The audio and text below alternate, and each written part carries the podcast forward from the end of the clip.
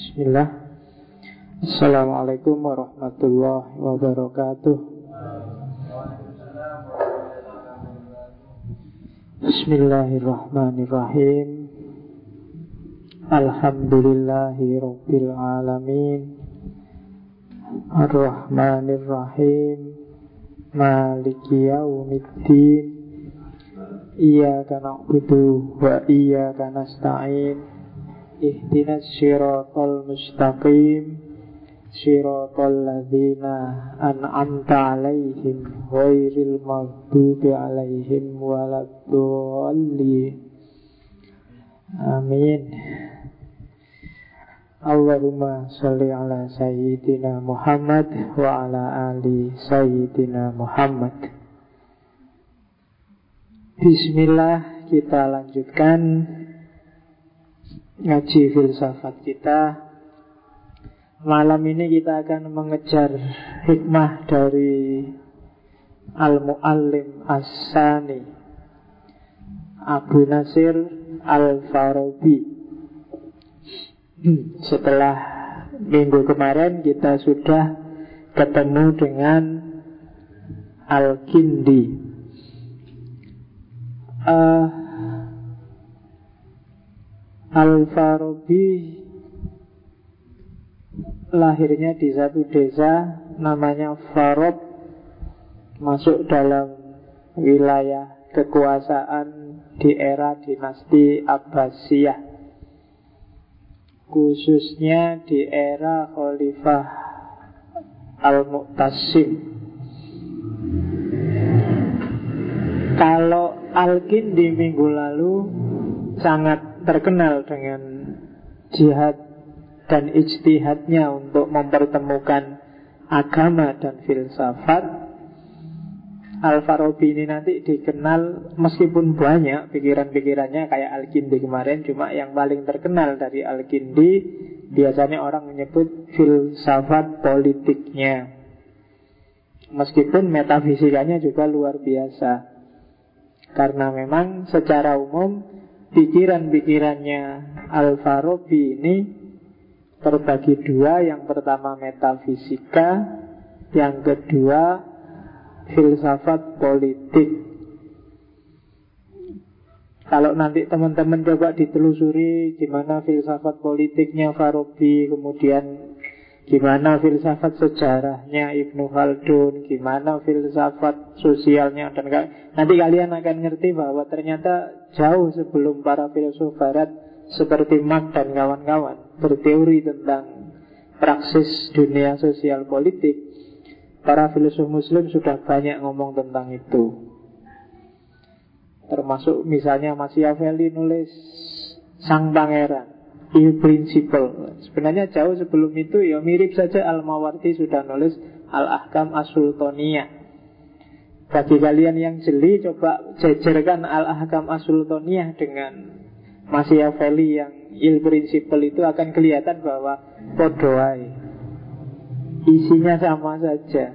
Ada kemungkinan Machiavelli juga habis ngaji Kitabnya Al-Mawardi.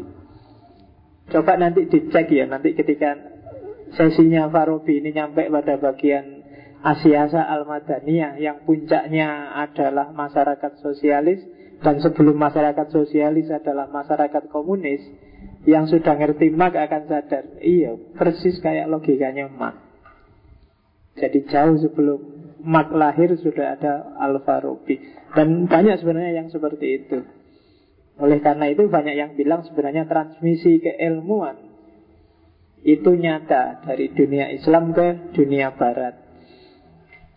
Oke, kembali ke Farabi. Farabi ini penjelajah, pengembara, cuma pengembaraannya untuk nyari ilmu. Bukan backpacker atau touring kayak kamu hari ini. Backpacker hari ini kan cuma ingin lihat-lihat dengan foto-foto, ingin wah ini foto di Merapi, ini foto di Sumbing, ini foto kan gitu kamu. Selfie-nya selfie dari gunung ke gunung, dari kota ke kota. Kalau Farabi enggak. Dia menjelajah hampir semua wilayah Timur Tengah bahkan sampai ke Mesir, sampai ke India. untuk mengejar ilmu pengetahuan. Beberapa karyanya sangat menginspirasi. Kalau ada yang mau, saya punya berapa ya bukunya Farabi itu? Saya punya enam lah paling enggak. Boleh diminta e-booknya. Saya punya e-booknya enam, cuma bahasa Arab. Yo, Kenapa kalau bahasa Arab? Yo ngaji lah besok buat Ramadanan kan enak. Apa yang yang pertama saya punya yang ini yang Aro'u Ahlul Madinah Al-Fadilah. Kemudian disempurnakan di karya selanjutnya Siasah Madaniyah. Yang populer juga tentang hierarki ilmu Yaitu Ihso'ul Ulum. Tiga. Yang keempat tentang bahasa Kitabul Huruf. Ada lagi tentang filsafat kebahagiaan Tahsilus Sa'adah. Sudah berapa? Lima ya? Satu lagi apa? Ingat saya enam. Yang ingin dikirimi lewat email boleh. Karena wujudnya ibu.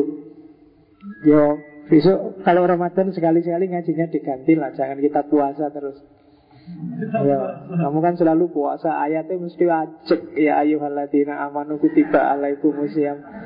Iya, saya kalau di masjid itu kadang-kadang jenuh Malam pertama sampai malam keberapa itu selalu ya ayuhaladina Wis ngerti Ya agak improve sedikit lah biar agak naik kelas Ramadannya. Ngajinya juga gitu, tidak jauh-jauh dari itu. Dan itu repetisi, ngulang-ngulang. Itu yang dikritik oleh Jabiri kan sebenarnya. Tradisi keilmuan Islam itu kenapa kok berat sekali lajunya? Kayaknya sering repetitif. Yo iku iku sampai jenuh. Kenapa kalau Jumat itu kamu ngantuk? Gak ada ilmu baru yang dikasih khotibnya. Semua wawasan lama Apalagi khotibnya nek mojo Delujur kaya mojo Dibaca itu kayak baca Anak SD latihan baca itu kan Jadi kamu mesti ngantuk Coba ada wawasan-wawasan baru Misalnya ya yang agak khas Cuma ya jangan kelamaan Karena khutbah Jumat Paling enak itu khutbah Jumat yang paling cepat. Iya.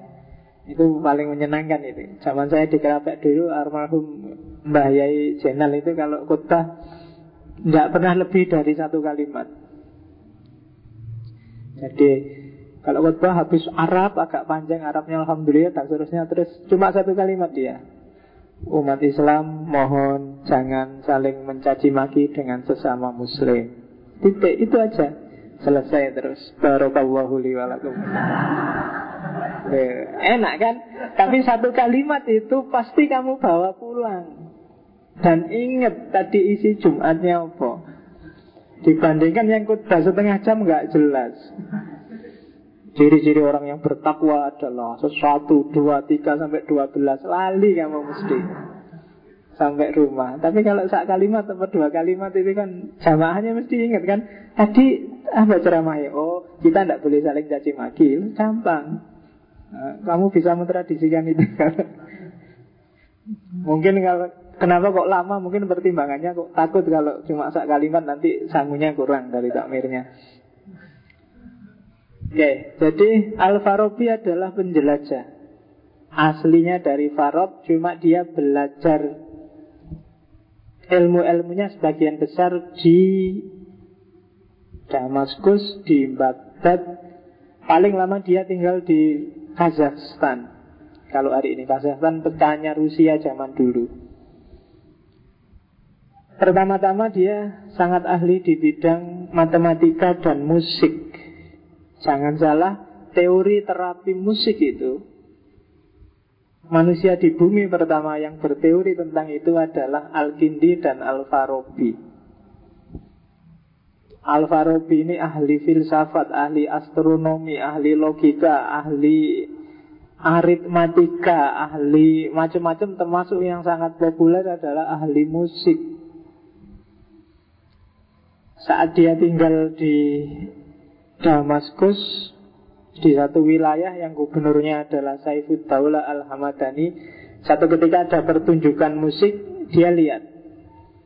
Dan dia ngerti bahwa Keliru cara mainnya Notasinya salah, anunya salah. Terus dia saat ada cerita begitu Terus dia berdiri Saifud Daulah Coba kasih ke saya alat musik itu. Terus dimainkan. Dan di satu momen itu dia bisa mengadu emosi pembacanya Diawali dari nangis-nangis karena dengar musik itu Terus ketawa-ketawa Dan yang terakhir tidur semuanya. Dengan musiknya. Itu ahlinya Farabi Dia nulis juga satu kitab khusus tentang musik. Dulu saya punya Cuma entah di mana ada yang pinjam dan gak balik. Karena memang buku itu hati-hati kalau buku itu dipinjam hanya orang butuh yang pinjam buku kok dikembalikan. Jadi biasanya mesti hilang. Oke ya, jadi dia ahli di bidang musik, ahli di bidang filsafat, ahli di bidang metafisika, ahli bidang matematika. Seperti saya bilang minggu lalu, hampir semua filosof peripatetik itu multi bidang. Dia punya multi keahlian, multi talenta. Ibnu Rus saja yang filosof luar biasa itu ternyata juga nulis kitab fikih yang judulnya Bidayatul Mujtahid. Padahal ilmu hari ini kan seolah-olah filsafat itu jauh sekali sama fikih. Padahal itu bidang yang berhimpitan aja. Kenapa disebut hikmah? Hikmah itu kan kata dasarnya hakima, ada yang hakama yahkumu hukum. Maka banyak mufasir yang menafsirkan sebenarnya hikmah itu bukan filsafat, tapi syariah. Ya sama-sama benar. Cuma syariahnya tidak seperti yang dipahami oleh mereka yang bikin perda syariah. Syariah itu kan jalan. Dasarnya syariah adalah kebenaran. Yang kebenaran itu sumbernya adalah ayat-ayat Allah. Dan ayat-ayat Allah itu ada yang kauliyah, ada yang kauniyah. Syariah yang didefinisikan oleh banyak umat Islam hari ini itu syariah yang kauliyah. Padahal Allah juga menurunkan separuh lagi wahyu dalam bentuk kauniyah. Yang itu Nabi disuruh baca sebagai wahyu pertama, Iqra. Itu yang jarang orang mikir sampai ke sana. Jadi kamu nggak perlu marah. Ada yang bilang hikmah itu kan syariah. Loh iya syariah. Cuma bukan syariah seperti definisi sempit yang selama ini dipahami orang. Oke, kenapa selain filsafat Al-Farabi lebih menonjol di bidang politik karena pikiran-pikirannya di dunia politik itu lahir di waktu yang tepat ketika dinasti Abbasiyah diambang kehancurannya. Jadi dinasti Abbasiyah itu kan sekitar 9 abad. Oh, sekitar 5 abad. Hanya satu abad pertama yang sangat menonjol dan sangat jaya. Dengan 9 orang khalifahnya yang paling awal. Saya tidak tahu teman-teman apa lepo enggak Abbasiyah sembilan yang paling awal yang populer dan dahsyat adalah yang pertama pendirinya Abul Abbas As-Sofa. Setelah itu dilanjutkan Al-Mansur Setelah Al-Mansur Al-Mahdi Setelah itu Al-Hadi Setelah Al-Hadi Ar-Rasyid Yang kalian kenal dengan Harun Ar-Rasyid. Terus anaknya Harun Ar-Rasyid Al-Amin Setelah Al-Amin Al-Ma'mun setelah Al-Ma'mun Al-Mu'tasim Setelah Al-Mu'tasim Al-Wasik Sembilan khalifah awal inilah yang Era kejayaannya Abbasiyah Puncak-puncaknya Abbasiyah. Bibit-bibit mulai kacau itu ketika Al-Mu'tasim Mulai agak membuka pintu untuk Kelompok-kelompok lain masuk. Yang paling terkenal adalah kelompok yang namanya Mawali Kelompok Mawali itu dari Turki, dari Persia, dan beberapa wilayah pecahan Rusia. Yang ini kemudian mulai jadi sumber bibit konflik. Mawali itu kebanyakan dijadiin tentara oleh dinasti Abbasiyah saat itu. Yang paling terkenal kan kisah-kisah bagaimana sengsaranya Mawali khususnya yang Persia sehingga menimbulkan pemberontakan-pemberontakan. Sehingga melahirkan sentimen kesiahan yang lebih kuat.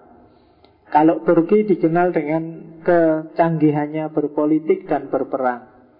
Nanti setelah terakhir Al-Wasik itu kan ada Al-Mutawakil Al-Mutawakil ini punya anak tiga Al-Muntasir Al-Mu'tas dan Al-Mu'ayyad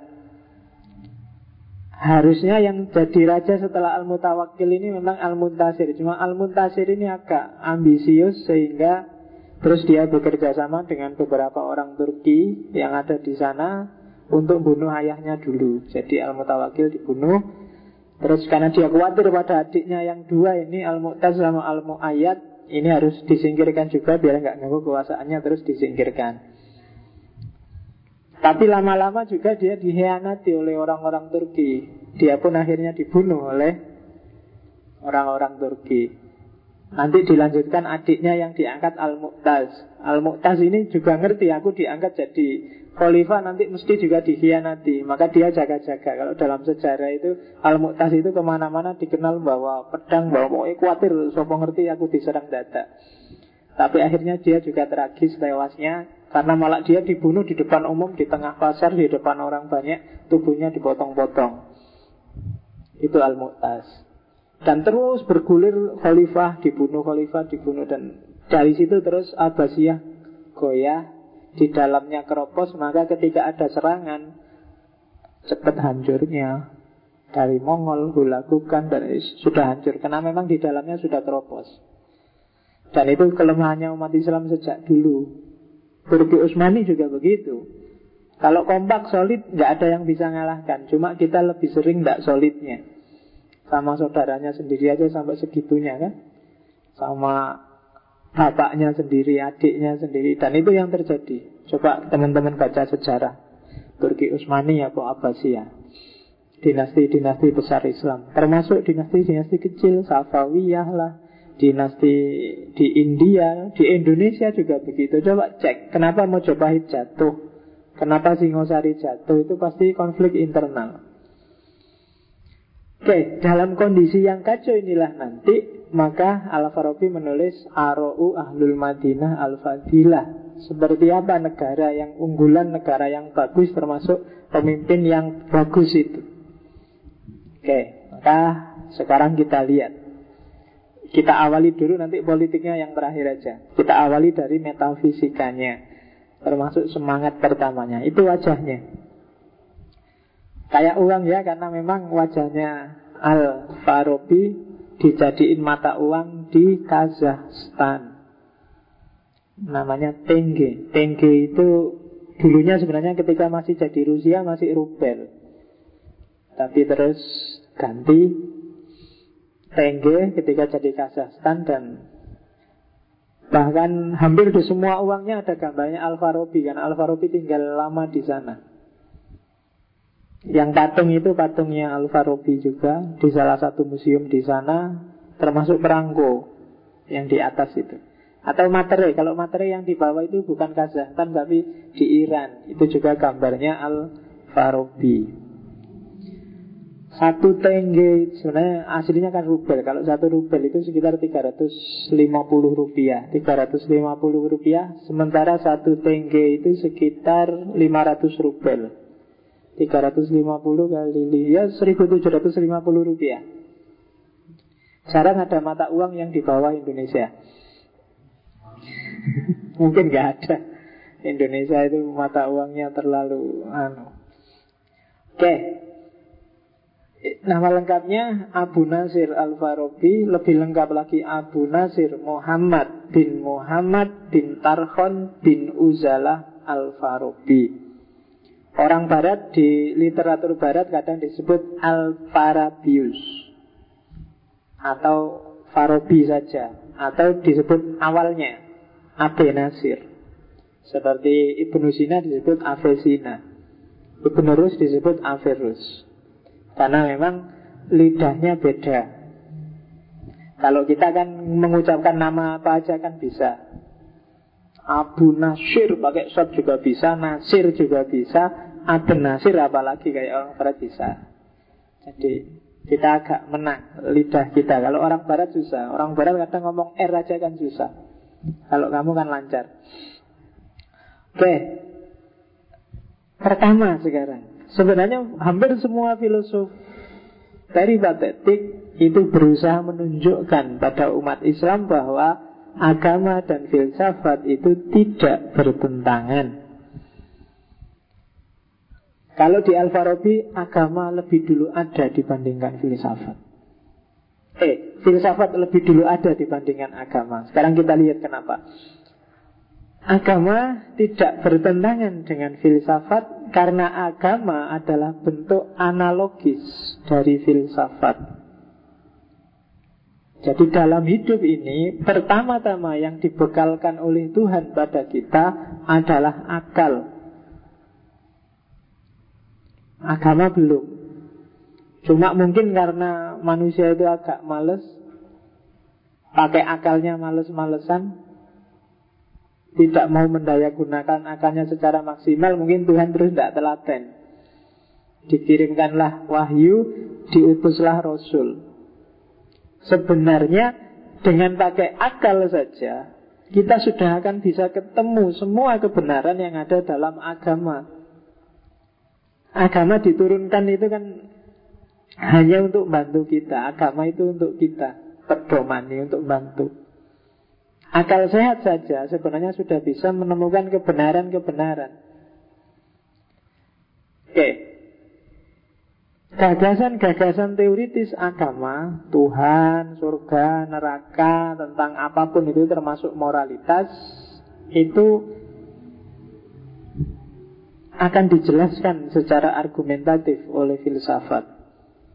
Kenapa? Karena agama itu tidak pernah menjelaskan pakai argumentasi. Agama itu kan ngomong kategori-kategori. Tuhan tidak beranak dan tidak diperanakkan. Kayak gimana ya tidak beranak itu? Tidak diperanakkan itu itu kan harus pakai akal kamu. Kalau diyakini saja sih bisa, cuma tidak mantep. Manusia itu kan disuruh yakin saja itu kan sebenarnya agak berat. Wis percaya wailah. Itu kan agak berat. Kamu mesti terus tanya, apa ini sih? Ada apa sih kan mesti gitu. Apalagi dipancing-pancing. Jangan sentuh HP ini ya. Karena HP ini begitu disentuh kamu ngerti sendiri akibatnya. Itu kan kamu terus malah penasaran. Pokoknya yakin aja Ini saya ngomong guruku loh ya Dulu guru. Kalau kamu malah penasaran kan Malah mikir Agama juga begitu. Dan filsafat akan mengatasi itu. Akan ngasih argumentasi. Bahkan agama Amal-amalnya Sholat, zakat, puasa Itu kan kamu sering-sering Lu apa bisa pak pakai akal ketemu sholat apa bisa pakai akal ketemu zakat kalau nggak pakai teks? Wadatnya tidak bisa, tapi visinya pasti bisa. Kenapa? Karena semua amaliyah agama itu punya visi moralitas. Allah ngasih sholat, ngasih zakat, ngasih puasa itu sebenarnya kan ada visinya. Allah kan tidak butuh sholat kita, tidak butuh puasa kita. Itu kan semuanya untuk kita. Dalam rangka apa sih? Dalam rangka moralitas. Makanya Nabi bilang Innama bu istuli utam mima Makarimal ahlak Targetnya agama itu Memperbaiki ahlakmu Maka parameter sederhana Untuk ngecek kamu itu Orang beragama apa bukan Itu bukan fikihnya sebenarnya Tapi ahlaknya Kalau semakin kamu berakhlak Berarti semakin sukses kenabian. Semakin sukses tugasnya Nabi kan begitu. Bukan fikih. Ya meskipun kadang-kadang banyak orang yang mikirnya kan agak artifisial. Kalau ada apa-apa, sholat nggak dia. Puasa nggak dia kan mesti ngono. Poso sembahyang nggak kan mesti gitu. Boleh itu parameter, cuma dia tidak utama. Parameter utamanya harus ahlaknya. Jangan dibalik. Dan untuk memahami dimensi moralitas, dimensi akhlak itu yo ahlinya filsafat. Maka filsafat arahnya moralitas. Bahkan kayak kemarin kita belajar estetika, moralitas atau akhlak itu nantinya akan disempurnakan oleh ihsan, disempurnakan oleh estetika. Dimensi yang namanya kamaliat. Jadi agama itu diawali dari perilaku fisik, Cuma fisik ini untuk tujuan etis dan etis ini untuk target terakhir yang namanya estetis. Kenapa sih orang kok harus berakhlak, bermoral? Ya biar hidupnya tertib, teratur. Harmonis. Kenapa kok orang butuh harmonis, butuh tertib? Ya biar dia aman, nyaman, tentram. Aman, nyaman, tentram itu kan rasa. Dan rasa itu kalau di filsafat namanya estetika. Maka puncaknya agama itu ada pada estetika. Fisik saja sholat sah dan rukunnya boleh Tapi ketika kehilangan estetika yang namanya kusyuk Maka tidak ada nilainya Sah sholatmu tapi kan nggak ada nilainya. Itu kan kayak kamu salaman sama orang Tapi salaman ini formalitas. Salaman tapi kamu sambil melengos. Salaman ya Itu kan yang diajak salaman juga males. Kayak kamu sholat tapi formalitas Sholat nggak ada kusuknya itu kan Kamu ngadep tapi pikiranmu ada di mana. Kayak kamu salaman tapi kamu melengos gini kan. Jadi Gusti Allah juga males. Lihat kamu kayak gitu. Jadi ada ada sisi sisi moralitasnya di itu kan estetik namanya. Kamu disuruh kusyuk. Makanya estetika bedanya di barat sama di Islam. Kalau di Islam estetika ihsan itu bukan tersier, bukan dunia ketiga. Dunia yang tidak penting, tapi dia dunia kamaliat. Kamaliat itu penyempurna. Kalau ada estetika, agama kita akan jadi sempurna. Sholat itu formalnya ya cuma nutup aurat. Tapi coba tidak pakai estetika tutup auratmu ndak indah atau ndak pas. Kamu nutup aurat bisa kok nggak harus kain, bisa pakai daun, bisa pakai kertas. Tapi kan ndak estetis dan ketika ndak estetis nggak sempurna. Coba kamu sholat pakai kertas. Tutupnya, mesti kamu bingung kan? Mau rukuk juga hati-hati, kegiatan suwe mesti. Iya kan, jadi nggak estetis juga nggak nggak pas. Maka orang butuh estetika. Puasa juga gitu kan ada ada nilai estetika luar biasa di balik puasa yaitu menahan diri. Estetika itu kan kalau bahasa Indonesia-nya pantas atau tidak pantas kan gitu aja, indah atau tidak indah. Kamu puasa asal nggak makan, nggak minum, nggak berhubungan kan sah. Cuma kan kalau nggak ada nilai menahan dirinya ya nggak ada gunanya, cuma dapat lapar dan haus. Puasa mulai pagi sampai buka puasa cuma tiduran sambil nonton TV misalnya. Itu kan ya sah puasamu cuma ya kamu dapat nilai apa dari puasa yang kayak gitu? Ngapain kamu pagi sampai maghrib? Anu pak di rumah nonton anu serial Korea pak misalnya. Ah itu nggak ada gunanya puasamu nggak ada sisi menahan dirinya nggak ada pendidikan dirinya jadi puncaknya agama itu ada pada estetika, tapi di tengahnya ada etika, di awalnya ada fisika. Fisika itu urusan fisik, sholat, syarat dan rukunnya itu kan fisik. Nah, bisa mencapai kayak gini kok saya bisa menjelaskan kayak gitu tadi filsafat yang membunyikan. Maka kebenaran-kebenaran agama secara argumentatif ditemukan oleh filsafat. Loh, kebenarannya sudah dikasih langsung oleh Allah. Ini loh kebenaran itu lewat wahyu, lewat teks. Cuma tidak argumentatif. Dan filsafatlah yang membuat itu argumentatif. Jadi jalurnya sebenarnya sama. Dia saling mendukung. Agama itu bentuk analogisnya dari filsafat. Oke, kalau di Farabi nanti ada di filsafat kenabian di belakang bahwa posisinya filosof itu sebenarnya sama kayak posisinya Nabi. Hanya saja beda jalur dalam mengakses kebenaran dari satu titik yang dia sebut sebagai akal fa'al. Akal fa'al itu kalau di Farabi di agama itu kadang disebut Jibril. Dia adalah transmitter kebenaran, dia yang membawa segala informasi kebenaran pada manusia. Kalau di Plato disebut alam idea. Dari transmisi. Nah, kalau Nabi ini dikasih langsung isi kebenaran yang ada di akal faal ini. Sementara kalau filosof dia harus berusaha sendiri. Bedanya di situ. Jadi mengejar hikmah kalau Nabi digaransi langsung dikasih isinya langsung sementara kalau para filosof dia harus berusaha sendiri. Karena kita bukan Nabi maka satu-satunya jalan kita bisa menemukan kebenaran adalah di jalur filsafat. Nah itu maka jangan takut beragama sambil berfilsafat. Karena dua-duanya muaranya nanti sama. Akhirnya sama. Kok tidak ketemu? Ya coba dicek lagi. Jangan-jangan kamu salah jalur. Karena harusnya pas. Itu harmoni agama dan filsafat. Dalam sejarah itu lahirnya filsafat itu lebih dulu dari agama. Coba dicek dalam sejarah. Orang pertama-tama belum kenal agama, kamu sebut dia primitif. Dari primitif itu terus berkembang jadi masyarakat yang beradat. Dari masyarakat yang beradat terus baru lahir agama.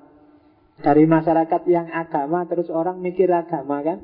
Berretorika, jadal. Dari jadal, retorika terus biasanya lahir burhan. Logika demonstratif. Logika rasional. Biasanya kan gitu.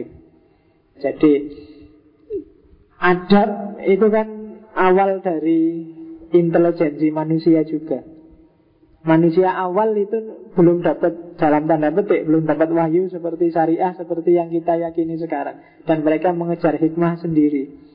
Kalau yang belajar sosiologi agama pasti ngerti bahwa ternyata Tuhannya manusia itu berkembang seiring akalnya manusia. Orang-orang primitif yang tidak berdaya menghadapi laut, wawasannya terbatas menghadapi angin, maka angin disembah. Terus melihat kenapa angin disembah karena merasa ini ada dayanya di balik angin ini. Daya itu terus melahirkan kalau zaman primitif kan disebut dinamisme. Oh ini ada kekuatannya pohon ini. Oh laut ini ada kekuatannya. Akik itu ada kekuatannya itu dinamisme namanya. Nanti akalnya agak berkembang sedikit. Misalnya lihat orang mati, lihat hewan mati. Iya ya, barangnya masih wujud tetap.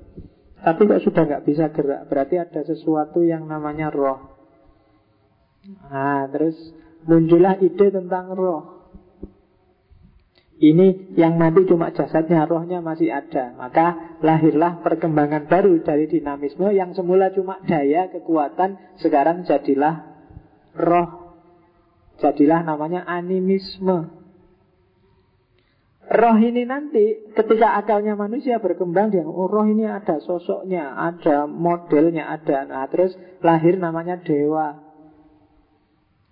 Ketika roh yang tadi abstrak terus dipersonkan. Rohnya nenek moyang itu dia selalu melindungi kita loh, jangan khawatir. Rohnya nenek moyang itu dia selalu mengawasi kita, menjaga kita. Lama-lama terus lahirlah konsep dewa. Terus masyarakat agak pinter lagi, pinter lagi bikin struktur ada raja, ada oh, patihnya, ada semacam pemerintahan itu kan. Pikirannya berkembang semacam itu, maka bayangannya dewa-dewa juga punya pemerintahan loh. Maka ada rajanya dewa di Yunani ada Zeus. Zeus punya anak buah berapa, terus di Mesir ada Ra, Ra itu. Dewa punya pemerintahan, kayak kamu nonton Sun Gokong itu loh, ada Kaisar Langit, Kaisar langit punya anak buah itu kan awalnya pikirannya manusia yang punya pemerintahan terus dibayangkan dewa-dewa juga punya pemerintahan. Maka ada hierarki dewa-dewa. Baru setelah itu turun wahyu terus lahir agama monoteis seperti yang kamu kenal sekarang. Jadi ternyata agama manusia, versi manusia yang filosofis itu ada lebih dulu. Manusia selalu mencari kebenaran dengan akalnya. Oke, nah berarti akal manusia, filsafat bisa ketemu hakikat keagamaan. Cuma ini yang digarisbawahi oleh Al-Farabi, penemuan-penemuan filsafat itu sifatnya elit. Tidak semua orang mampu. Gitu loh. Kalau orang tiba-tiba ngomong versi para filosof, itu mesti nggak banyak orang bisa nerima karena kebanyakan masyarakat itu awam, dia bisa, hanya bisa bicara dan menerima hal-hal yang sederhana, tidak rumit, kayak filsafat. Maka filsafat butuh institusi yang menyalurkan idenya secara sederhana, tidak rumit. Dari situ maka filsafat butuh lagi pada agama. Kalau kalau agama kan gampang, nggak usah diajak argumentasi jelimet-jelimet. Pokoknya kalau kamu baik masuk surga, kalau jelek masuk neraka titik. Ingin masuk surga apa neraka? Surga, ya berarti baik ya. Sederhana kalau agama, nggak jelimet-jelimet, nggak mikir. Kamu percaya Tuhan loh ya. Tuhan itu sebab pertama, dia penggerak yang tidak digerakkan. Jadi setiap sebab itu tidak boleh tasalsul. Itu uang awam mesti judek mikir ngomong apa kamu. Tidak jelas. Maka filsafat butuh institusi lain yang bisa mentransfer idenya secara lebih sederhana. Dan di situ dibutuhkan peran agama. Wis terserahlah, nggak argumentatif, nggak apa-apa. Yang penting kebenarannya kena. Contohnya kayak yang di bawah itu. Misalnya kita harus adil loh ya. Kalau filsafat dijelaskan panjang lebar. Apa itu adil? Apa itu? Panjang kan kesuwen. Kalau di agama, kamu berbuat adil ya. Kenapa? Itu perintahnya Tuhan loh. Selesai. Tapi kalau filsafat panjang. Intinya sama, dua-duanya sama-sama setuju dan mendukung yang namanya keadilan. Oke. Seperti dalam poligami. Poligami itu kan selalu orang mendiskusikan keadilan setelah mendiskusikan poligami. Apa iya laki-laki bisa adil? Ada yang bilang, ya bisa dong. Kalau nggak bisa, ya ngapain disebut di ayat? Ya kan ada yang bilang, tidak mungkin orang bisa adil. Karena adil itu urusannya perasaan Bukan urusan ada yang gitu. Sakarepmu lah. Yang penting Kalau ada kemungkinan Nikah banyak ya nikah aja. Cuma tanggung sendiri resikonya kan itu aja. Taruh resiko ke atas gampang. Yang susah resiko ke samping kiri samping kanan itu loh. Itu biasanya lebih susah ditanggulangi Oke, itu harmoni filsafat dan agama. Kebenaran apa pun yang ada dalam agama bisa kamu kejar sendirian lewat filsafat. Jadi ini sebenarnya karena Farabi ini menghadapi dua ide yang sangat kontras. Yang satu sangat mendewakan akal, yang satu sangat mendewakan agamanya. Ada kelompok sebelum Farabi sebenarnya saya harus ngomong Ar-Razi Cuma Ar-Razi terlalu jauh meninggalkan agama Sehingga dia anti kenabian Anti ketuhanan termasuk teman-temannya seperti Ibnu Rawandi. Dan saya nggak harus bahas itu karena agak susah kalau kamu tak kasih itu di masjid. Jadi Ya, kalau nggak ngerti konteksnya kamu bisa marah-marah kalau belajar Farabi apalagi Ibnu Rawandi dan itu yang banyak dikutip oleh para orientalis yang anti Islam. Dan Farabi ingin menyeimbangkan itu. Harusnya kalau kita pakai akal tidak tabrakan sama agama. Karena masing-masing punya gaya sendiri, punya jalur sendiri. Meskipun yang disasar adalah kebenaran yang sama. Itu harmoni agama dan filsafat. Terus dari semua problem yang dihadapi umat, Al-Farabi melihat solusi yang paling tepat adalah mantek logika. Umat Islam harus diajari caranya mikir yang benar. Kenapa banyak konflik di dunia Islam sejak zaman Farabi Bahkan sampai hari ini Karena banyak yang tidak bisa mikir secara benar. Kalau yang bayani dan irfani banyak Wali-wali banyak Ahli fikih, ahli tafsir banyak. Cuma jarang yang pinter Berpikir secara logis demonstratif. Sama-sama rasional itu biasanya jarang konflik. Yang sangat mudah konflik adalah ketika orang berpikir bayan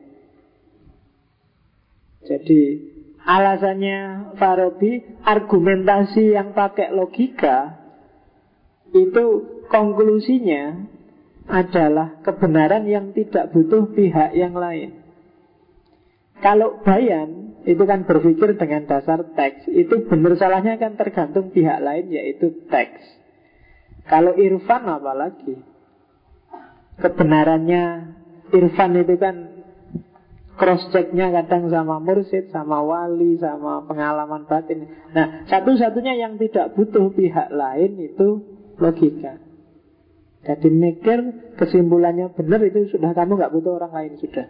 Tapi kalau nas itu kamu butuh dalilnya mana? Orang selalu begitu. Irfan juga begitu, tasawuf juga begitu.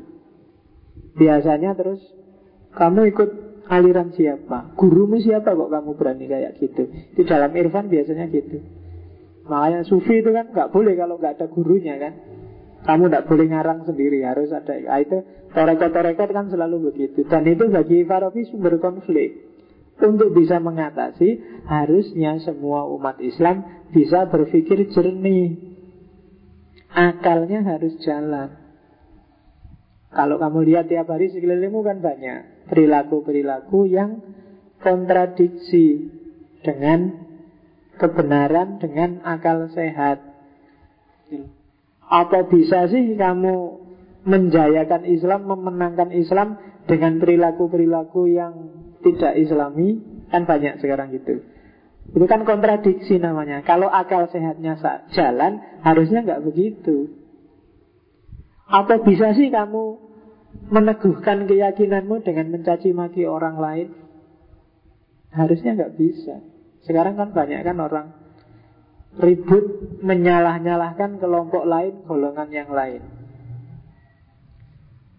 Sebenarnya mereka yang ribut ngomong tentang kebenarannya orang lain, mempermasalahkan kebenarannya orang lain, itu sebenarnya jalur melingkar untuk menunjukkan bahwa sebenarnya dia belum yakin kebenarannya sendiri. Kenapa? Karena kalau orang sudah yakin, pengetahuannya sudah mantap, itu biasanya diam.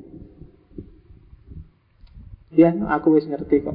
Terserah yang lain mau apa, menurutku sudah benar ini. Tapi kalau kamu masih ribut dengan keberanian orang lain, itu sebenarnya kamu ingin membuktikan bahwa aku itu yang benar, kamu yang salah.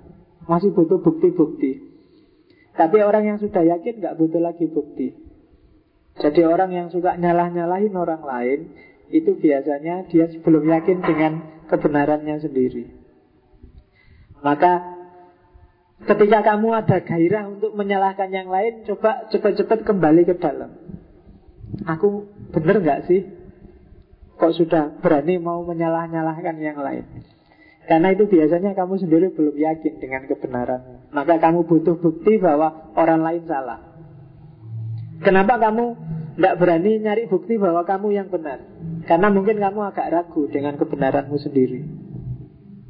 Maka dibandingkan capek-capek mencari kebenaranmu terus kamu lebih cepat nyari kesalahan. Karena nyari kesalahan itu gampang dibandingkan membuktikan kebenaran. Kalau nggak percaya coba kamu jajal sendiri kebenaranmu. Dibandingkan misalnya kamu apa wis, lembagamu apa hari ini? NO Muhammadiyah, PMII, HMI, PDI, Gerindra apa? Dibandingkan nyari apa sih bagusnya PDI misalnya kamu PDI agak susah lebih enak apa sih jeleknya Gerindra? Kan gitu. Lebih cepat kan gitu. Dibandingkan nyari apa sih sebenarnya keistimewanya NO itu lama lebih cepat apa sih kejelekannya Muhammadiyah? Kan lebih simpel itu. Apa dosanya Wahabi lebih cepat daripada apa sih keunggulannya Ahlu Sunnah wal Jamaah dan ini logika sebenarnya. Makanya katanya Farobi Mbok akalmu yang sehat. Apalagi yang masih muda. Akalnya sering Sering tidak nyambung. Banyak wis ya kamu yang akalnya tidak sehat itu kan. Kamu ngerti sebenarnya itu tidak pas tidak sehat keliru Tapi yo tidak apa-apa lah masih muda. Aku memang kan selalu begitu. Banyak hal yang jelas kamu ngerti itu salah Tapi yo tidak ah, apa-apa. Itu berarti akalmu tidak jadi raja Kalau di Farabi akal itu jantungnya, rohmu. Kalau jantungnya sudah nggak sehat, seluruh tubuhmu akan nggak sehat. Maka akalmu harus sehat. Harus jernih kalau mikir logika. Sangat saya sarankan kamu belajar logika yang agak dalam. Karena ada teorinya, tidak bisa. Pak, mikir diem aja. Sejak kecil orang tidak perlu sekolah juga sudah bisa mikir. Pak. Oh, iya, tapi dalam banyak hal tidak bisa. Itu yang bikin kamu hari ini gampang ditipu orang. Kalau lihat TV gampang ikut karena akalmu tidak kritis. Kalau orang yang ngerti logika, lihat TV itu akan ketawa-ketawa tiap hari karena tidak nyambung. Banyak logika-logika tidak koheren. Apalagi kalau lihat film, wah kamu mesti sering oh, lucu kan, nggak, logikanya nggak masuk sama sekali. Apa wis contohnya kan banyak, apalagi film-film silat, film-film itu kan orang masuk akal belas dan kamu percaya film hantu-hantuan, film tiba-tiba orang bisa jadi ular, tiba-tiba kan kayak Indosiar itu kan. Nah itu kan kamu seneng nonton itu padahal kamu dibohongi. Termasuk acara hantu-hantuan misalnya, itu kan nggak masuk sama sekali di akal sehat tapi kamu seneng. Nah itu tipikalnya orang Indonesia. Jadi logikanya seneng. Kalau nggak percaya ya, kan ada ada tesis bahwa orang Indonesia itu sebenarnya cara berpikirnya masih masih mistik tahayul. Sangat gampang dipengaruhi oleh hal-hal yang tahayul itu. Tak kasih contoh. Di pojoknya masjid itu ada seorang laki-laki yang sejak tadi dia ngadep ke sini. Ya sejak tadi kalau kita bagel-bagel dia ikut senyum-senyum. Tiap saya ngaji dia ada di sana. Ayo, saya ingin ngecek kira-kira nanti malam kamu di situ sendirian berani nggak? Nah kan dia ikut ketawa. Oke. Ada perubahan apa di jiwamu? Ya kan? Oh, jangan keras-keras nanti dia ngerti. Nah, kamu kamu ikut kan? Iya, karena itulah jiwa kita hari ini. Cuma jangan gitu loh ya nanti dia. Eh, kita lanjutin aja. Jangan dibahas nanti nggak enak. Ya, Terus pokoknya coba dibaca sendiri dirimu ketika saya ngomong kayak gini. Kira-kira ada yang dipengaruhi nggak? Dan itu yang dipakai oleh TV. Kamu mentelengi itu perhatikan suara berikut. Ada Memangnya suara di mana-mana. Kok, kok waktu itu aja kamu perhatikan suara. Coba waktu kayak gini, banyak suara dan kamu cuek aja kan. Enggak kamu cermati tapi begitu lihat TV dunia lain ada suara klodak gitu aja kamu. Oh, mesti ada apa-apanya itu. Alah. Dan itulah kita orang Indonesia khas, unik. Oke. Terus bagi Farabi, tasawuf, sufi, irfan, laduni itu penting. Tapi laduni itu bukan kayak seperti yang kita bayangkan. Kamu nggak perlu belajar terus pinter. Laduni itu pengetahuan intuitif yang muncul secara tiba-tiba kalau kamu sudah berusaha. Nggak bisa kamu nongkrong aja ketemu pengetahuan. Selama ini kan kamu mendefinisikan laduni itu kan gitu kan Tenang aja Kalau Allah berkehendak tiba-tiba aku pinter terus dapat A semua Tidak iso Jadi ladunia itu penyerta Jadi kalau kamu sudah belajar keras Ini dipikir kok tidak ketemu-ketemu ya Terus aduh Nyerah aku mungkin ini nggak paham Eh tiba-tiba ting ada Oh iya mungkin ini Itulah irfan Ada intervensi dari Tuhan akan berlaku begitu tapi tidak akan jalan bagi orang yang santai-santai. Jadi kalau kamu orang yang belajar itu bisa jadi pinter, bisa juga enggak. Tapi orang yang tidak belajar pasti tidak pinter. Rumusnya seperti itu. Gitu Kalau kamu cari pacar, bisa dapat, bisa enggak. Tapi kalau kamu enggak cari, ya tidak akan dapat. Logikanya seperti itu. Kalau kamu nggak berusaha, pasti nggak dapat. Kalau kamu berusaha, bisa dapat, bisa enggak. Nah itu itu sebenarnya cara berpikir untuk menyatukan Qadariyah dan Jabariyah biar kamu nggak bingung. Sejauh mana kita itu Jabariyah, sejauh mana kita Qadariyah. Kamu harus berusaha. Kenapa? Kalau nggak ada usaha, nggak ada hasil. Uang usaha aja nggak mesti ada hasil kok.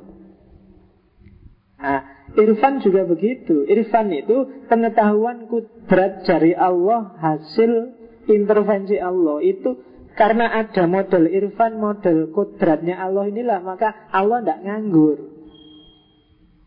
Allah itu selalu terlibat dalam hidup kita. Tidak. Ya hidup itu ada hukumnya namanya sunnatullah. Tapi sewaktu-waktu Allah bisa intervensi. Kalau orang-orang sekuler kemarin Yang di barat dan kawan-kawan kemarin kita bahas itu kan Cara berpikirnya alam ini sudah ada mekanismenya Dan itu sifatnya pasti. Allah itu kayak orang bikin jarum jam Setelah jamnya dibikin Sekarang nongkrong-nongkrong sambil lihat TV Nunggu kiamat. Cara berpikirnya kan gitu. Enggak Allah itu bisa intervensi sewaktu-waktu Dalam urusan apa pun Termasuk dalam ilmu yang kita sebut namanya irfan Kamu lihat misalnya kamu ngocok misalnya Aduh Aku kulitku kok hitam ya, rambutku keriting, wajahku jelek ini apa ya bisa dapat istri aku wajahku kayak gini, ya kan? Nah, jangan pesimis. Allah bisa intervensi sewaktu-waktu. Jadi ya siapa ngerti kamu yang kayak gitu ternyata dapat pasangan duluan nikah duluan temenmu yang cakep-cakep suwi golek eh kesuwen mele. Kalau kamu kan kamu kan nggak mikir pokoknya ono ya wis ayo, ono kan. Sementara yang cakep-cakep milih ah jangan ah siapa tahu ada yang lebih bagus jadi suwi nggak dapat dapat. Sementara kamu cepat karena kamu tahu diri. Oke, okay. itu intervensinya Allah, gitu loh. Kamu loncat dari lantai 30 secara sunatullah pasti mati. Dan kamu harus pakai rumus ini Meskipun ada kemungkinan kalau kamu dari lantai 30 Kamu tidak mati Misalnya pas kamu jatuh tiba-tiba ada truk yang bawa kasur lewat terus buk, oh pasukan itu itu intervensinya Allah gitu loh. itu namanya kudratullah Sunnatullah itu pasti tapi Allah bisa sewaktu-waktu menabrak sunnatullah yang namanya kudratullah. Jadi kalau kamu bodoh belajar aja jangan khawatir. Siapa tahu tiba-tiba Allah intervensi dan, nanti kamu lulus kumlot. Sementara yang pinter lulusnya tidak kumlot hanya dia sombong merasa besar merasa pinter terus males. Kan gitu rumusnya. Jadi itu rumusnya orang hidup. Jadi tidak ada ilmu laduni dengan nganggur itu tidak ada. Dengan kamu santai-santai terus tenang aja. Nanti wiritan aja nanti kalau Allah ngasih ilmu tiba-tiba kita sakti. Tidak. Harus ada usaha. Makanya orang berdoa itu kan selalu rumusnya bukan jarang yang dikasih tapi dimudahkan. Mudahkanlah untuk cari ilmu, mudahkanlah untuk cari rezeki. Jadi bukan kok diem terus rizkinya datang Tapi dicari tapi mudah Itulah intervensi dunia Dan logikanya Irfan menurut Al-Farabi seperti itu Jadi tidak kok terus kita diem aja Tiba-tiba jadi Irfan Oke Jadi solusinya itu Nah Yang terkenal lagi sebenarnya Saya nggak ingin panjang karena panjang Kalau klasifikasi ilmu itu Yang jelas Al-Farabi membagi ilmu di tujuh bagian. Ada logika, ada ilmu lesan, ilmu bahasa, percakapan, terus matematika, fisika, metafisika, politik, dan fikih. Kalau dibaca di Ihsaul Ilm itu nanti setiap tujuh ini punya cabang-cabang ilmu yang banyak. Dan ini sangat luar biasa kontribusinya untuk perkembangan ilmu-ilmu nanti di era modern di barat.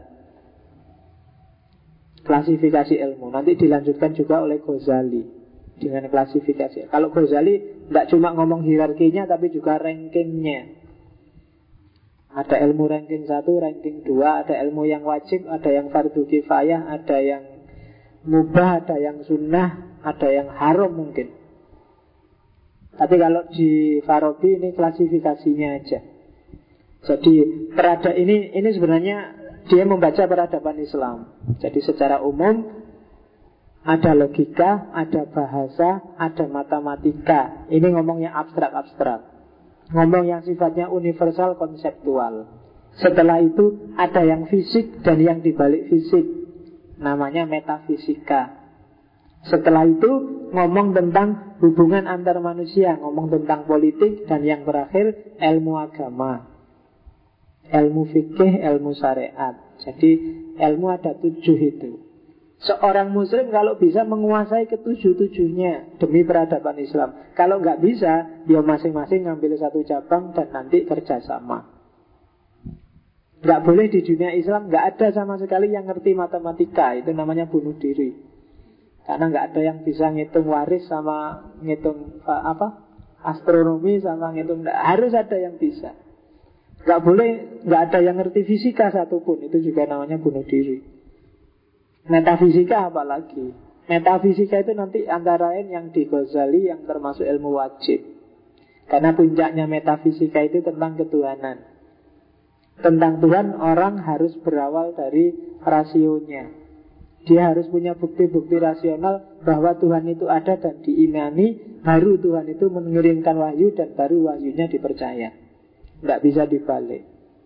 Terus politik juga harus paham karena politik ini tata sosial, tata masyarakat. Semuanya bagus tapi politiknya jelek juga rusak. Ilmu tidak akan berkembang, peradaban Islam akan jatuh.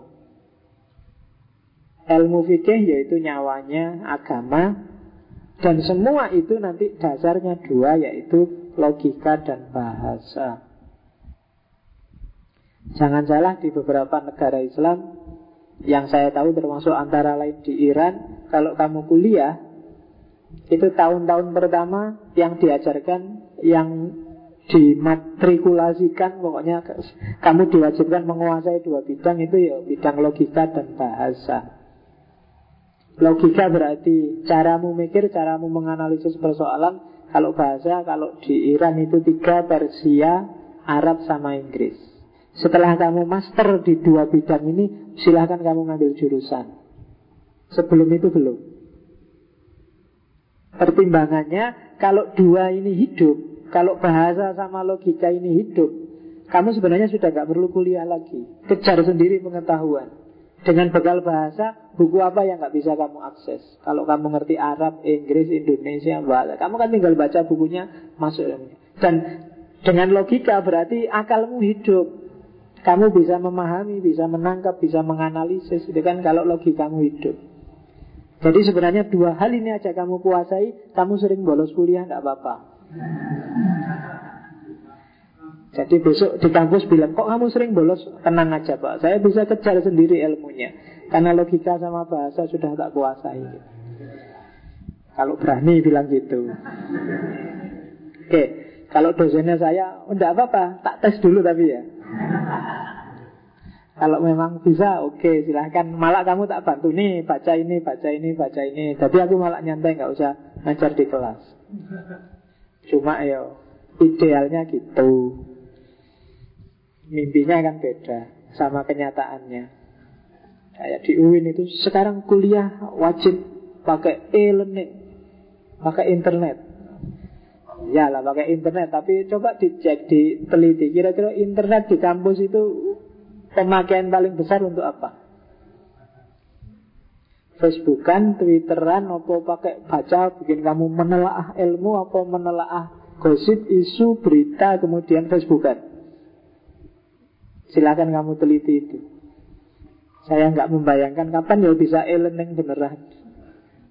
E-learning beneran itu saya nggak usah ke kampus tinggal kasih Mas ini tak kasih buku bacaan bahannya ini bahannya ini sampai aku tadi nggak usah ceramah kayak gini nyantai.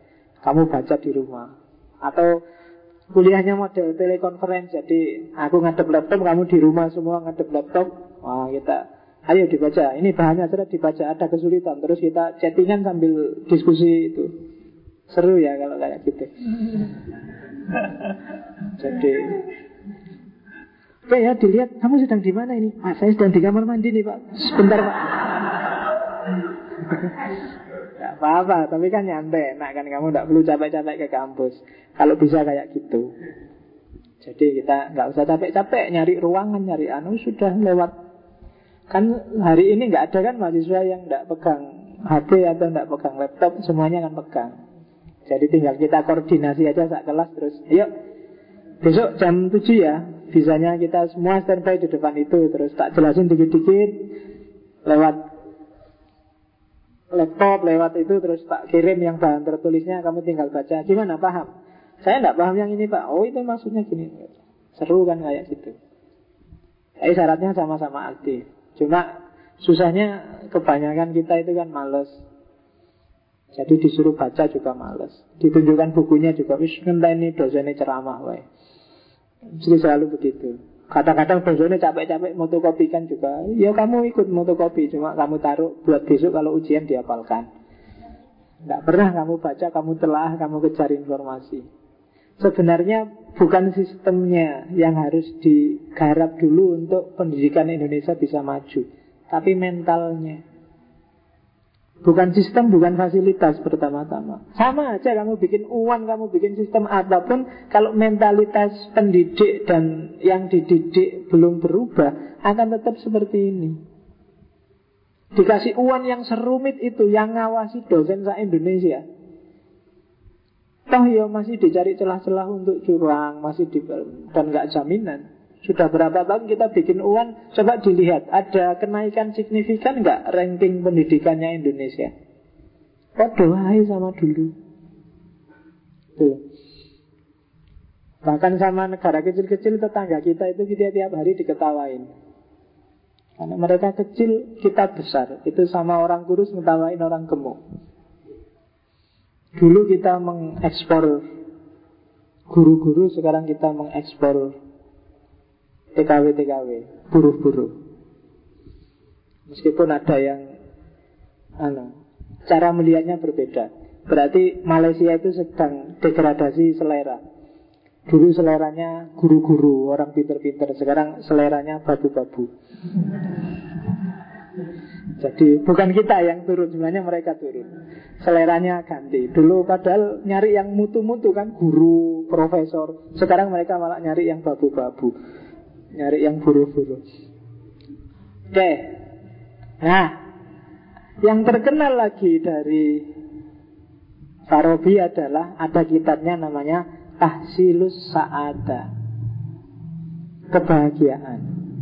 Di antara teorinya yang bagi saya menarik adalah Bahwa Kebahagiaan itu hanya akan ditemukan keutuhannya dalam pengetahuan. Kenapa? Karena bahagia itu kan berarti kamu Ketika kamu bahagia itu berarti kamu kan puas sudah. Tidak kepingin apa lagi yang lain Enggak, sudah puas Pak saya, sudah bahagia. Sudah tuntas sudah. Yang tak inginkan memang itu. Bahagia berarti kamu nggak ingin ngelirik lagi yang lain. Cirinya kan itu. Nah Maka Kebahagiaan itu parameternya berarti bukan kekayaan, bukan materi tapi pengetahuan. Kenapa? Karena tergantung pada kepuasan dan kepuasan itu kan berarti jiwamu yang menerima dan jiwa bisa menerima itu biasanya parameternya adalah pengetahuan. Ketika pengetahuanmu sudah benar, sudah pas, itu biasanya lebih apa? Lebih membawa pada bahagia. Ya contoh paling elementer misalnya tiba-tiba kamu nemu uang di pinggir jalan dompet isinya uang 5 juta misalnya. Itu kan harusnya kamu bahagia luar biasa. Tapi karena kamu nggak tahu ini miliknya siapa, dari siapa, itu kan kamu pengetahuannya nol. Meskipun dapat 5 juta, tapi kamu juga masih mikir-mikir. Senengnya masih belum pol. Seneng sudah tuntas itu kalau kamu dapat pengetahuan. Oh, ini dompetnya takmir masjid yang takmirnya ini sudah bilang tadi di masjid bahwa barang siapa nemu uang saya diambil aja itu sodako. Ah, alhamdulillah sudah ketemu sekarang. Jadi pengetahuan membawa pada kebahagiaan. Apa pun itu, coba urusan apa pun, pacarmu misalnya. Kamu tentrem dengan pacarmu kalau kamu paham. Oh tenang aja. Pacarku itu dia kayak gini, gini, gini. Jadi dia di mana pun aku ngerti wis Tenang aja, enak kan? Tapi kalau kamu nggak paham mesti tiap hari was-was. Wah ini malam-malam tak tinggal ngaji Jangan-jangan SMS-an sama orang lain ini. Ah gitu, bisa gitu. Kamu jadi was-was. Dalam banyak hal Pengetahuan akan menyempurnakan kebahagiaan kita. Jadi semakin orang punya pengetahuan Semakin sempurna jiwanya Semakin sempurna jiwa berarti semakin tambah kebahagiaannya Itu sebenarnya inspirasinya dari Socrates. Jadi dengan semakin banyak tahu kamu akan semakin bahagia. Kenapa sih? Kamu selalu ingin nyari gosip Karena kamu merasa tidak banyak tahu. Maka acara-acara infotainment kan terus jadi menarik. Itu sebenarnya khas yang diserang adalah rasa ingin tahunya manusia. Karena manusia punya satu karakter dasar namanya curiosity, ingin tahu. Sehingga kepuasannya terletak pada tahu. Kalau sudah tahu ya sudah dan kamu puas. Tapi kalau belum tahu, kamu mesti ngejar-ngejar terus.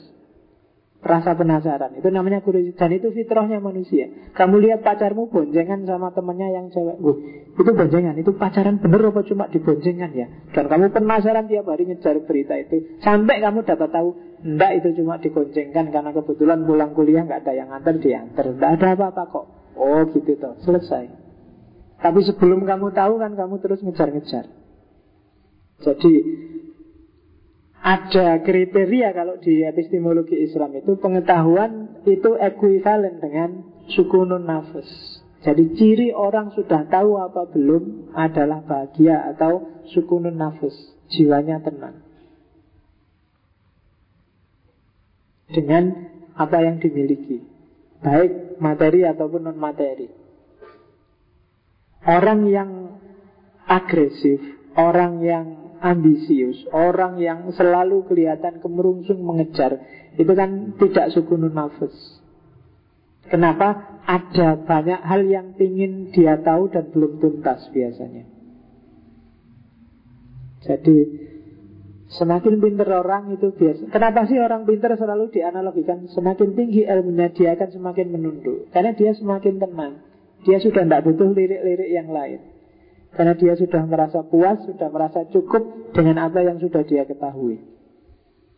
Jadi kalau masih ada orang yang pecicilan melirik sana, melirik sini itu perlu dikasih pengetahuan.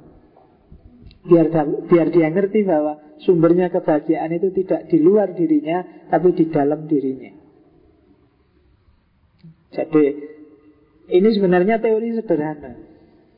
Cuma jarang kita mikir sampai ke situ. Seolah-olah kita bahagianya karena uang, karena materi, karena wah kalau saya punya laptop yang generasi akhir, kalau sudah punya Core i7 itu mungkin nyaman daripada laptop kayak gini kalau digoyang gambarnya, nah, misalnya. Tapi kan enggak. Kadang-kadang laptopnya jelek tapi kan kamu lebih puas. Yang laptopnya Core i7 stres tiap hari.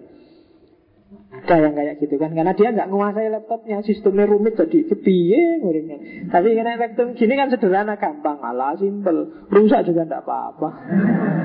Murah aja kok. Kan lebih enak. Karena kamu kuasai pengetahuan. Tapi yang baru-baru yang HP kan juga gitu. Karena kamu punya HP bagus kan jadi Terikat oleh HP. Kebahagiaanmu sebagian terampas oleh HP. Kamu tergantung pada HP. Coba HPmu jelek HPmu nggak kelihatan sebentar aja kalau bagus kan HP HP di mana HP tadi kan gitu. Tapi kalau HP jelek kan kamu nyantai, oh hilang yuk ben. HP murah, yang nemu aja males ngambilnya. ya kan katanya yang nemu HP kayak gitu diambil daripada urusan eh, ditinggal aja. Rugi sama anunya, resikonya. Nah kalau HP bagus kamu kepikiran. Sama dengan pacar cakep atau pacar jelek. Kalau pacar jelek kan ada di mana pun kamu nggak khawatir, tenang aja. Nggak ada yang mau pasti. Aman. Tapi coba pacar cakep. Oh kamu makan hati tiap hari Nggak bisa gemuk kamu. Oke, Jangan-jangan dia di SMS Wah lagi nelpon sama siapa itu? Lagi oh, kamu tiap hari nggak tenang hidupmu. Jadi kalau ingin sukunan nafas Hidup tenang cari pacar yang Oke Itu hubungannya pengetahuan dan kebahagiaan. Lo kan enak. Kamu milih mana hidup tenang apa hidup anu gelisah selalu? Kan lebih enak hidup tenang karena lebih hakiki pacar jelek itu. Karena kelihatan hakikatnya dari awal sampai akhir. Ya kan? Kalau cakep itu kan tidak hakiki. Sekarang cakep, besok kalau tua pasti jelek. Kalau jelek, sekarang jelek, besok kalau tua Kalau sudah tua saya elek dan hakikatnya memang jelek. Jadi sudah langsung ketemu hakikat kalau jelek itu. Tapi kalau cakep enggak, masih lama ketemu hakikatnya. Oke. Itu logika, sekarang metafisika. Kalau metafisika di Al-Farabi itu sama kayak Al-Kindi kemarin bahwa metafisika itu falsafatul ula, filsafat ketuhanan. Argumennya kalau di Farabi dia menggabungkan tiga tokoh sekaligus Aristoteles, Plato, dan Plotinus di Neoplatonisme. Oh ya, tadi yang bukunya yang belum saya sebut, yang keenam yang saya punya adalah Al-Jam'u baina ro'yail hakimain. Jadi sintesis antara dua pemikiran dua orang filosof. Karena Al-Farabi ini dikenal menyatukan pikirannya Aristoteles dan Plato. Dan dia sangat ahli di bidang Aristoteles, dia banyak menerjemahkan bukunya Aristoteles sehingga dia digelari yang tadi saya sebut Al-Mu'allim Asani, guru kedua. Guru pertamanya adalah Aristoteles. Jadi Aristoteles guru pertama, Al-Farabi guru kedua. Di samping itu, karena dia juga pernah nulis kitab waktu dia dari Baghdad Kemudian sebentar tinggal di Turkistan Dia nulis kitab yang judulnya At-Ta'lim Asani Kajian kedua Dari situlah nanti istilah Asani dipakai orang untuk Menyebut Al-Farabi sebagai Al-Mu'allim Asani Guru kedua Oke Yang ini nggak perlu tak jelaskan teologinya ahlu sunnah paling dasar juga sudah menjelaskan ini bahwa ada wajibul wujud, ada mungkinul wujud. Tuhan itu wajibul wujud dan semua makhluknya itu mungkinul wujud. Wajib wujud itu dia yang pasti ada yang ketidakadanya nggak mungkin bisa dibayangkan. Karena tidak adanya berarti tidak adanya seluruh realitas ini. Padahal sudah kelihatan kita itu ada bangku ini ada, laptop ini ada, pohon itu ada, masjid ini ada. Karena realitasnya sudah ada, pasti Tuhan juga pasti ada. Karena dia wajibul wujud. Dia tidak tergantung siapa pun, bahkan dia digantungi apa pun. Itu wajib wujud. Kebalikannya kita, kalau kita mungkin nul wujud, kita itu hanya mungkin. Ada kita tergantung pada adanya Tuhan. Kalau Tuhan nggak ada, kita pasti juga nggak ada. Ada kita kan ada kontingen, ada yang sementara kok. Hari ini kita ada, besok bisa nggak ada. Ada kita apalagi di dunia ini kan singkat. Sekarang umurmu mungkin sekitar 20, 25 sekitar itulah ya Hidup sekitar 25 tahun Kita menghuni dunia paling panjang satu tahun lah Manusia hari ini oh, harapan hidupnya sekitar 60-70 itu loh Kalau ada yang di atas 70 itu bonus Ya, tapi kebanyakan sekitar itu 60 tahun Dibandingkan umurnya bumi yang Selama itu yang sampai jutaan tahun, puluhan juta, ratusan juta, itu pun nggak ada sekukunya alam semesta yang itu miliaran tahun. Jadi kita itu sebenarnya satu titik yang sangat kecil di tengah alam semesta. Nggak ada apa-apanya wujud kita itu. Kita tergantung sangat banyak hal. Kamu tergantung udara, tergantung air, tergantung lingkungan sekitarmu bahkan. Banyak sekali yang tergantung dalam hidupmu. Maka sebenarnya kami itu mungkinul wujud. Adamu itu hanya mungkin. Maka manfaatkan sebaik-baiknya Durasi hidupmu yang tidak panjang itu. Jadi jangan sampai terlena sedikit pun. Jangan disia-siakan Hanya 60 loh ya. Jadi hiduplah yang strategis. Hidup yang strategis itu kamu atur benar apa yang ingin kamu nikmati di dunia ini Kamu ingin punya target apa Diatur yang baik biar nggak meleset. Ngaturnya mungkin mulai seumuran kamu ini. Kamu harus sudah punya orientasi, punya target. Kalau enggak ya mungkin suksesnya lama. Harus mulai sekarang Nah itu nggak perlu tak jelasin yang ini karena Kamu sudah ngerti lah wajibul wujud mungkinul wujud. Nah yang unik ini. Jadi ini sebenarnya upayanya Al-Farabi untuk menyatukan antara keyakinan para teolog bahwa alam ini diciptakan dari tidak ada dengan teorinya para filosof Yunani bahwa alam ini diciptakan ada materinya dulu. Jadi bukan dari tidak ada.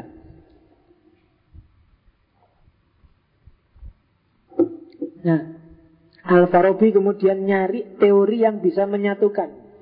Karena ada kesulitan juga kalau membayangkan pakai akal loh ya. Ada ciptaan dari tidak ada sama sekali. Apalagi ciptaan yang diciptakan banyak yang menciptakan satu. Itu akal agak berat.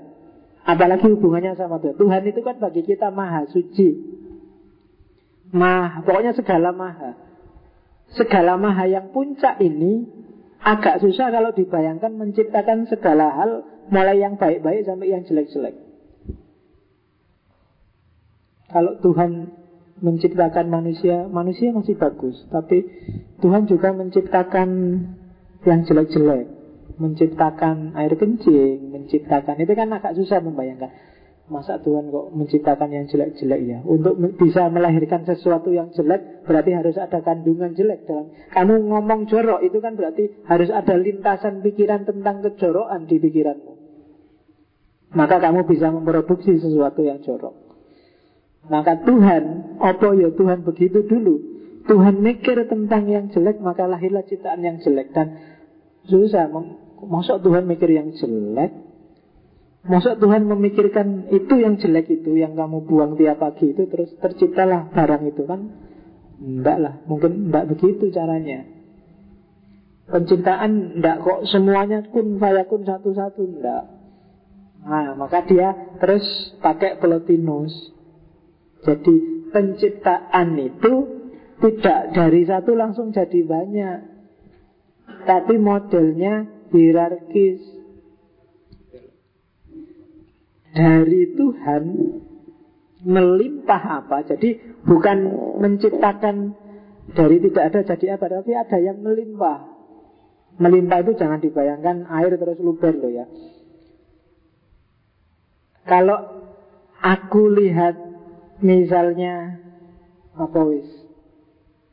LCD ini Tadi dari luar masuk sini terus lihat LCD Oh, LCD-nya sudah nyala. Ini kan otomatis saja keluar dari diriku Setelah melihat LCD Ini pikiran ini kan semacam melimpah. Tidak tak sengaja mikir LCD Tapi tiba-tiba muncul ide tentang LCD setelah aku lihat LCD Itu namanya melimpah. Nah, Tuhan juga ketika menciptakan alam semesta modelnya seperti ini. Cuma pertama-tama yang dipikir Tuhan bukan sesuatu yang di luar dirinya karena yang di luar dirinya belum ada. Tuhan mikir tentang dirinya, muncullah pikiran tentang dirinya, melimpah sesuatu yang keluar dari Tuhan, bentuknya ide bukan barang limpahan itu.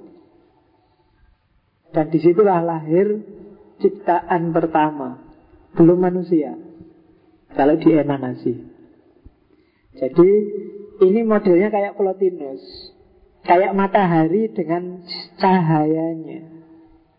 Matahari itu kan menciptakan cahaya, tapi cahayanya matahari itu tidak dibikin oleh matahari, tapi limpahan dari matahari. Mataharinya sendiri diam, tidak ngapa-ngapain, tapi limpahan dari dirinya matahari itu lahirlah cahaya-cahaya. Itu teorinya Plotinus. Alam semesta pun diciptakan seperti itu. Jadi melimpah dari dirinya Tuhan, lahirlah alam semesta yang nanti modelnya gradasi. Setelah itu, yang tadi limpahan pertama melahirkan juga limpahan kedua, limpahan ketiga terus. Limpahan pertama tadi kan sekarang sudah ada dua. Yang tadi Tuhan nggak ada apa-apa yang dipikir dirinya sendiri lahir limpahan pertama. Yang limpahan pertama ini ada dua sekarang. Ada Tuhan sama dirinya kan sudah dua. Maka dia mikir tentang dirinya sendiri sama Tuhan. Lahirlah limpahan ketiga. Itulah nanti yang disebut teori emanasi. Betul. Ini untuk mengatasi dari kreasio ex nihilo. Karena akal kalau di orang-orang agak susah. Kayak misalnya kreasio ex nihilo itu berarti kan dari tidak apa-apa tiba-tiba ada apa-apa ini kan agak tasalsul. Tasalsulnya adalah berarti ada waktu sebelum ada alam semesta. Dari tidak ada menjadi ada. Ini kan semacam ada rangkaian waktu. Padahal yang namanya waktu itu kan sebenarnya geraknya alam semesta. Waktu itu tidak ada sebelum alam semesta ada. Jadi ini yang yang kerumitan-kerumitan ini yang terus bagi Farabi yang lebih pas itu memang emanasi. Ya Oke, rasionalisasinya kayak gimana sih emanasi itu? Yang pertama untuk menjelaskan bagaimana yang banyak bisa muncul dari yang satu. Yang banyak termasuk yang jelek, yang hitam, yang gelap, yang putih, itu kan semua katanya dari Tuhan. Tapi darinya itu tidak kok dari satu terus cabang banyak, tapi dari satu lahir lagi, lahir lagi, lahir lagi, gitu. Dan itu sebenarnya kalau pakai bahasa lain di Al-Kindi itu sebab yang pertama. Karena dia sebab, jadi sebab, jadi sebab. Cuma Al-Kindi masih bertahan kreasio ex nihilo. Menciptakan kayak tukang sulap dari tidak ada jadi ada. Kalau di para filosof Agak berat mengakui itu. Kalau pinjem Aristoteles nanti Kalau di Farabi ada bahannya alam semesta itu. Dan bahannya kotim Bahannya apa? Potensi. Itu kan berat kamu mikirnya kan? Kalau bikin teh Itu bahannya air, teh, gula Jadilah teh. Kalau alam bahannya apa? Kalau di Farabi Potensi untuk menjadi alam. Potensi itu kan semacam Cuma daya aja. Dan itu bahan. Makanya Potensi ini kalau di beberapa buku kadang diterjemahkan energi. Maksudnya bukan energi, potensi. Potensi itu kan semacam kemungkinan. Bahannya ya kemungkinan itu. Yang melahirkan alam semesta. Karena para filosof agak berat membayangkan ada alam diciptakan, ada sesuatu muncul tanpa bahan. Harusnya muncul kan dari Allah. Cuma dari Allah itu kan pecahannya Allah. Maka lahirlah emanasi tadi. Jadi luberannya Allah bukan dari nggak ada jadi ada, tapi dia luberan dari zatnya Allah. Nah itu emanasi. Makanya Allah bilangnya kun. Kamu menerjemahkan kun itu apa? Jadilah. Di banyak tafsir juga jadilah. Bukan adalah. Jadilah itu ada airnya, ada tehnya, ada gulanya, kun jadilah teh. Jadi tapi ada bahannya. Itu loh.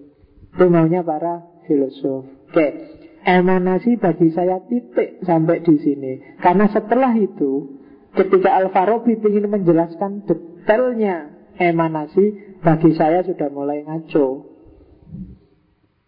Itu titik. Jadi belajar filsafat kadang-kadang kamu harus ngerti titiknya karena kadang-kadang akal seperti Alkindi kemarin Di titik tertentu akal tidak berdaya. Ini yang Pak kasih tanda merah berarti Perlu kamu pertimbangkan lagi Karena di sini dia sudah mulai ngaco.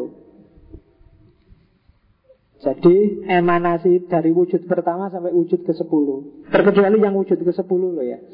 Tapi wujud-wujud yang dia di awal itu bahwa Limpahan pertama itu yang disebut Al-Asma'ul Awal Terus melimpah lagi Limpahan ketiga Itu yang disebut bintang-bintang. Limpahan keempat planet Saturnus. Limpahan kelima itu bagi saya sudah mulai ngaco.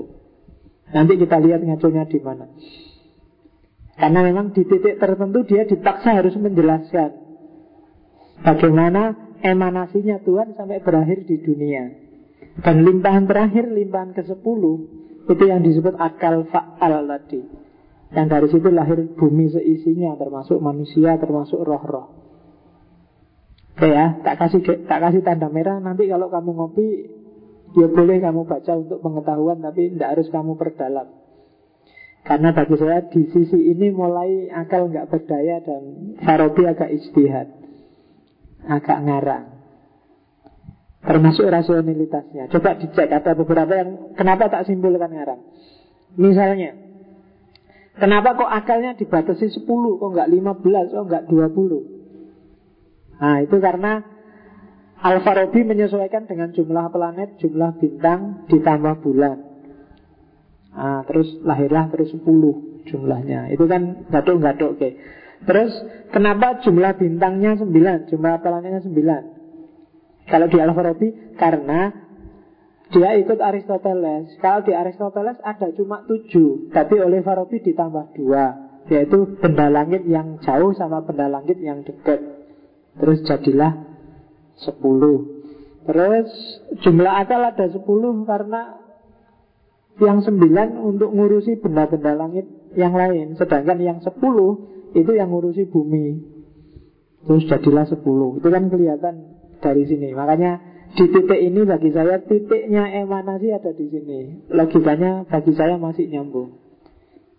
Cuma setelah itu gimana model pelimpahannya, gimana model kunnya tadi, walau alam bisawab. Tidak harus dipaksa.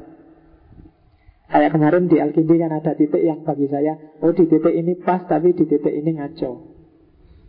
Ya sama sebenarnya di semua filosof Kalau kemarin kamu belajar Marx, belajar Nietzsche, belajar Sartre Kan kamu bisa merasakan Oh di titik ini dia benar Tapi di titik ini mulai ngaco. Oke ya. Kita lewati emanasi Kita masuk ke jiwa sekarang. Jiwa emanasi nanti akan disempurnakan oleh Ibnu Sina Meskipun juga ada titik-titik ngaconya juga di Ibnu Sina Tapi Ibnu Sina lebih banyak dikutip orang. Jiwa Ya kalau jiwa di Al-Farabi sumbernya adalah akal ke-10 Yang tadi disebut akal fa'al. Akal inilah referensi kita ke dunia transenden, dunianya Allah.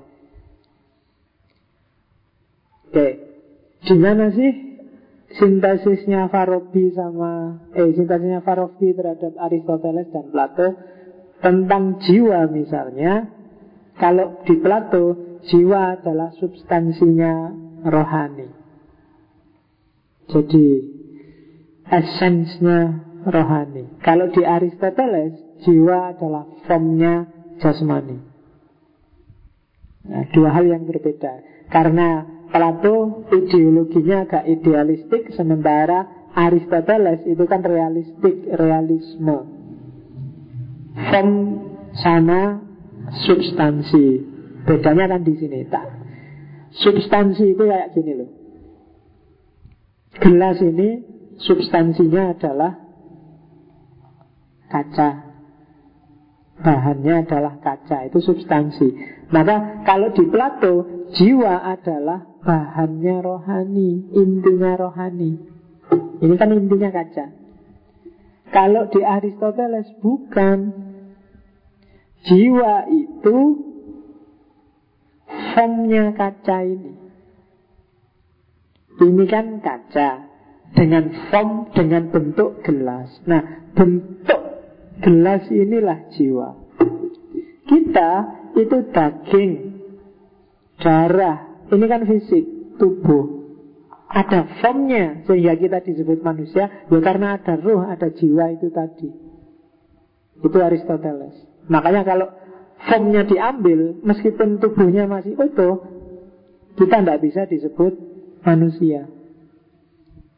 Nah ini seolah-olah benar dua-duanya Plato ya masuk akal Wong kita memang intinya roh manusia itu Tapi Aristoteles juga masuk akal. Maka Al-Farabi menyatukan ini. Katanya Farabi, jiwa itu ya memang substansi, tapi dalam dirinya sendiri. Tapi kalau dihubungkan dengan tubuh, itu dia form, dia bentuk. Jiwa itu substansi. Kalau ngomong jiwa nggak dihubungkan dengan tubuh. Tapi kalau ngomong roh, ngomong jiwa dihubungkan dengan tubuh, maka jiwa adalah formnya. Jiwa adalah bentuknya. Itu jawabannya Al-Farabi terhadap perbedaan pendapat antara Aristoteles dan Plato. Daya jiwa ada tiga, daya gerak, daya mengetahui, daya berpikir. Nggak perlu tak jelasin panjang ya. Kalau yang ini kamu ngerti tinggal dibaca Jadok kamu langsung paham. Daya mikir ada dua Ada akal praktis Ada akal teoritis. Akal praktis itu Loh ini ada teh. Oh enaknya teh ini buat apa sih? Oh tujuannya untuk diminum. Oh berarti aku harus minum. Itu akal praktis Maka kamu nggak perlu capek-capek berteori Ini gelas ini Apa ya kira-kira filosofinya gelas Enggak Kamu cuma butuh akal praktis Nggak butuh akal teoritis Itu untuk jawab orang-orang yang agak ke apa? Agak sok filsafat atau apa harap difilsafati. Apa filosofinya laptop? Enggak. Laptop itu kamu nggak perlu akal filosofis, nggak perlu akal teoritis. Kamu cuma butuh akal praktis. Akal praktis itu apa gunanya laptop? Sederhana. Zaman saya mahasiswa, Aif kan sering-sering gitu. Anak-anak filsafat itu. Ayo, filosofi menanak nasi apa? Wah, filosofi ya, kemantepan. Yang bagian-bagian itu itu tidak butuh akal teoritis, itu akal praktis.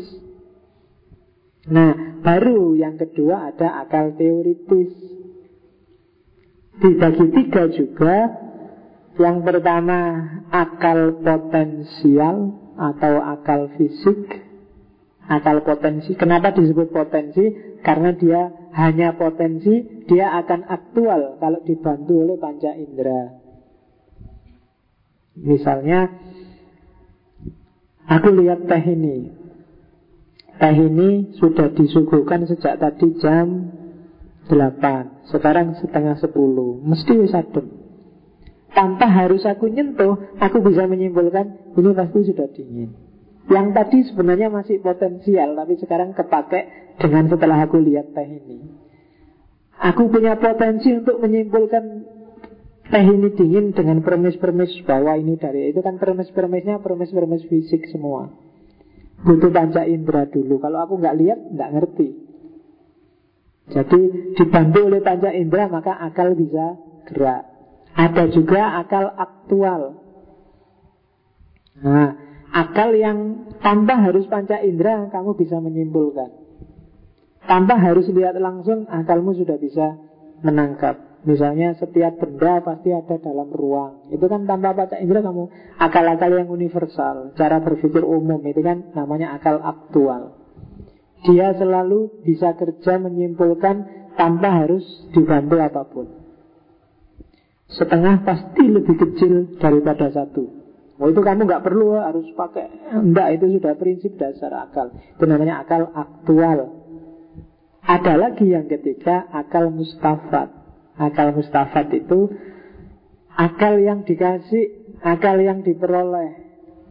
Ini akal yang bisa komunikasi dengan akal faal tadi. Ilmunya yang sejenis dunia tadi. Jadi akal yang terbuka menangkap informasi dari atas. Itu namanya akal mustafat. Nah, jadi daya gerak, daya mengetahui, daya berpikir, ada akal praktis, ada akal teoritis, akal teoritis ada akal potensial, akal aktual dan akal mustafat. Filsafat kenabian sebenarnya ini yang original dari Al-Farabi ya, yang tadi bahwa Nabi adalah sosok yang punya keistimewaan dari sisi kejiwaan. Istimewanya apa? Karena Nabi bisa berhubungan langsung dengan akal fa'al dalam kondisi apa pun. Jadi anugerah paling besar yang diterima Nabi itu ya anugerah bisa komunikasi langsung dengan akal faal. Sementara kalau para filosof untuk komunikasi dengan akal faal itu dia perlu susah payah dulu. Kalau Nabi langsung dikasih. Ya secara personifikasi kalau di Farabi agama biasanya menyebut akal faal itu Jibril. Dia kan yang membawa semua informasi yang dibutuhkan oleh Nabi. Itu filsafat kenabian. Oke, sekarang puncaknya Farabi adalah filsafat politiknya. Yang pertama jelas bahwa manusia itu punya fitrah sosial politik. Ini sudah di semua sosiolog pasti menerima asumsi ini. Kamu tidak bisa hidup sendirian. Tuntutan jiwa sudah itu fitrah. Dari banyak aspek. Tidak perlu dicontohkan. Kamu paling gelisah kalau kesepian kan? Jiwaku sepi Semua teman-teman mudik Hanya aku yang di kos-kosan sendirian. Gitu aja kan kamu galau. Uang-uangnya masih banyak, apa-apanya masih utuh Tapi kamu gelisah kenapa? Tidak ada teman. Sebenarnya itu tuntutan jiwa. Kenapa? Karena setiap orang punya fitrah sosial. Dan teknik untuk menata kehidupan bersama Kehidupan sosial Itulah nanti yang disebut politik. Jadi Sederhananya di situ. Sekarang kita lihat analisisnya Farabi di Arau Ahlul Madinah Al-Fadilah. Seperti apa sih jenis-jenisnya komunitas sosial, jenis-jenisnya negara? Yang pertama katanya Farabi ada Al-Madinah Al-Fadilah. Ini negara paling top. Tidak harus adidaya. Tapi negaranya adalah negara yang utama negara utama itu yang penduduknya bahagia semua, seneng, bangga jadi warga negara, nyaman, gemar palo jinawi, pokoknya yang sejenis itulah.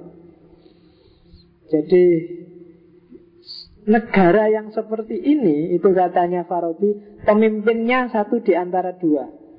Kalau bukan nabi ya filosof. Kenapa masyarakat Madinah itu jadi secanggih itu, sebagus itu? Karena pimpinannya Nabi. Dan yang bisa menandingi Nabi cuma filosof.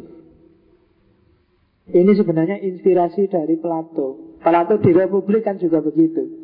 Satu-satunya orang yang layak jadi raja dan pas jadi raja itu harusnya filosof. Bukan militer, bukan tukang, bukan rohaniawan, bukan enggak, filosof. Makanya kamu mintalah nanti sertifikat dari takmir bahwa kamu sudah lulus ngaji filsafat. Untuk saya ngerti besok kamu mau nyalon jadi presiden apa jadi bupati apa jadi gubernur Kamu bilang, saya ini filosof ini ya.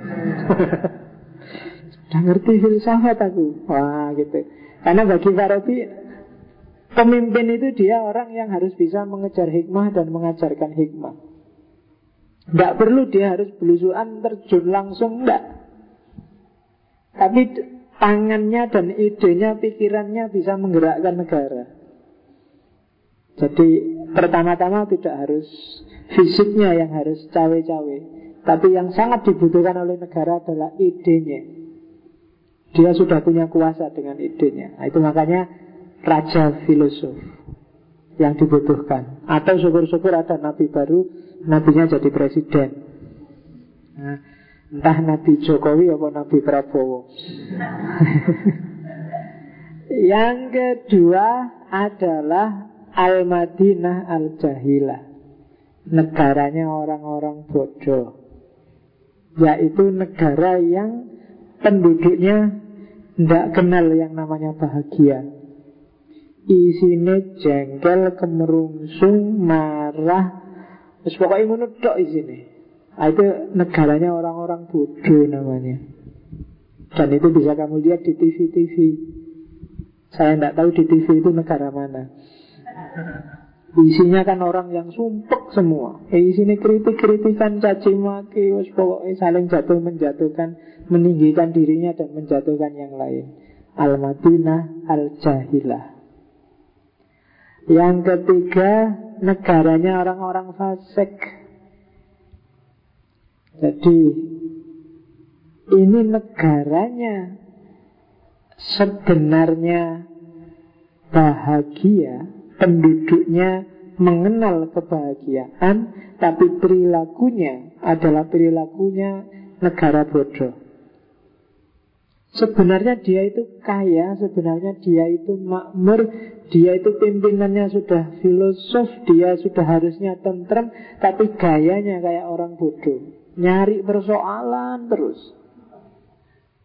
Uang sudah jelas, wis bisa diterima, wis masuk akal. Harus dicari biar ada masalah karena dia di luar kelompokku.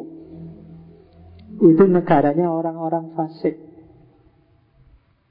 Ada negara jenis keempat Al-Madinah Al-Mutabadilah Nah, Madinah Mutabadilah itu negara yang apes Negara yang semula Madinah Al-Fadilah sekarang merosot jadi negara yang jahilah. Dari negara Gemaripah Lojinawi Adil Makmur Adidaya sekarang merosot anjlok jadi negaranya orang bodoh. Jadi Al-Madinah Al-Jahilah. Itu namanya Al-Madinah Al-Mutabadilah. Kalau yang jahilah asli tadi yo, sejak awal sampai akhir memang negaranya orang bodoh. Tidak pernah tentrem di sini gue geran terus sejak diproklamasikan. Itu Al-Madinah Al-Mutabadilah. Yang terakhir ini yang agak religius. Al-Madinah negara yang sesat. Kenapa? Karena pemimpinnya penipu. Kalau kamu punya pemimpin penipu, maka negaramu akan bergerak ke arah yang keliru. Dan dia disebut negara yang sesat Yaitu contohnya kalau di Farabi Negara yang pemimpinnya merasa dapat wahyu Wahyu ke sekarang sedang turun Dialah satrio piningit dan seterusnya Nah kalau kamu mikirnya pakai logika itu Padahal dia sebenarnya bukan satrio piningit Tapi di satrio-satrio kan Kayak dulu zaman SBY awal jadi presiden kan banyak buku SBY Satrio Piningit. Begitu jadi presiden ya ngeledek cuma gitu aja. Satrio Piningit kok cuma gitu ya karyanya. Itu berarti selama ini kamu hidup di Al-Madinah negara yang sesat. Kamu hidup dalam kegelapan. Oh, sesat itu lebih parah dari bodoh. Bodoh itu mandek tapi rusak. Kalau sesat itu jalan tapi arahnya keliru. Hmm. Kalau arahnya keliru itu kan baliknya lama. Kalau bodoh rusak tinggal diperbaiki, dimulai langkah awal. Tapi kalau sesat itu agak parah. Kalau identifikasimu Indonesia hari ini sesat, ya berarti masih panjang langkah kita. Oke. Nah tadi ada negara bodoh kan? Negara bodoh itu ada lima jenis. Yang pertama ada jenis doruriyah Negara bodoh itu negaranya rusak Tapi doruriyah itu lumayan Kebutuhan pokoknya terpenuhi Orang masih bisa hidup, bisa makan, bisa tempat tinggal, bisa minum nah itu. Negara darurat Jadi al-jahilah ad-doruriyah Negaranya rusak Tapi kebutuhan pokoknya terpenuhi Ada al-jahilah al-badalah Al-Jahilah Al-Badalah itu negaranya rusak tapi penduduknya materialis kabeh yang dipikir nyari keuntungan sendiri-sendiri. Semuanya mulai pemerintah sampai rakyatnya paling atas sampai paling bawah yang dipikir aku harus cari keuntungan di negara ini. Itu namanya negara jahilah al-badalah. Yang dipikir kekayaan materi gimana dia bisa memeras Indonesia untuk kepentingan kok, kok ada Indonesianya? Memeras negara untuk kepentingannya sendiri. Al-Jahilah Al-Badalah ada negara Al-Jahilah Al-Kuroma. Ada negara yang gila hormat negara yang jaim negara yang pencitraan aja janjanya dia rusak tapi gengsian. Rakyatnya butuh uang banyak, butuh subsidi besar, tapi dia enggak ya. Kalau ada kesulitan di luar negeri, dia nyumbang besar-besaran. Kalau ada yang lain kesusahan, dia, wah saya nyumbang, saya membantu, saya itu. Itu hanya karena gila hormat. Rakyatnya juga begitu. Pimpinannya juga gila hormat. Maka lahir pencitraan-pencitraan. Rakyatnya juga gila hormat. Ingin dihargai ingin diposisikan sebagai majikan, ingin disebut sebagai warga negara yang peduli, ingin itu semua gila hormat. Semua ingin jadi orang yang dikenal sebagai orang baik, sebagai pemimpin yang baik atau sebagai rakyat yang baik. Negara al-jahilah al-kuroma. Ada negara al-hissah wasyahwah. Negara yang dipikir tidak ada yang lain selain seneng-seneng dan foya-foya. Kalau waktunya libur senengi setengah mati, waktunya kerja males-malesan. Waktunya cuti, wah ada hari kecepet, ayo cuti bersama, ayo foya-foya senang. Wah ini tujuh belasan, ayo bikin acara besar-besaran, ayo pokoknya bangsa bikin acara, bikin karnaval, bikin pawe, bikin seneng. Tapi waktunya kerja, berkarya, dia males. Kalau sudah berkarya, bekerja, dia agak keji. Hisah wasyahwah. Yang ketiga ada negara anarkis. Negara anarkis itu Semuanya nggak bisa diatur. Pemerintahnya sakar PDW, rakyatnya juga begitu. Itu negara al-jahilah al-jami'ah. Jadi wis kuabe sakar PDW tadi ya wis. Akhirnya bodoh bareng-bareng.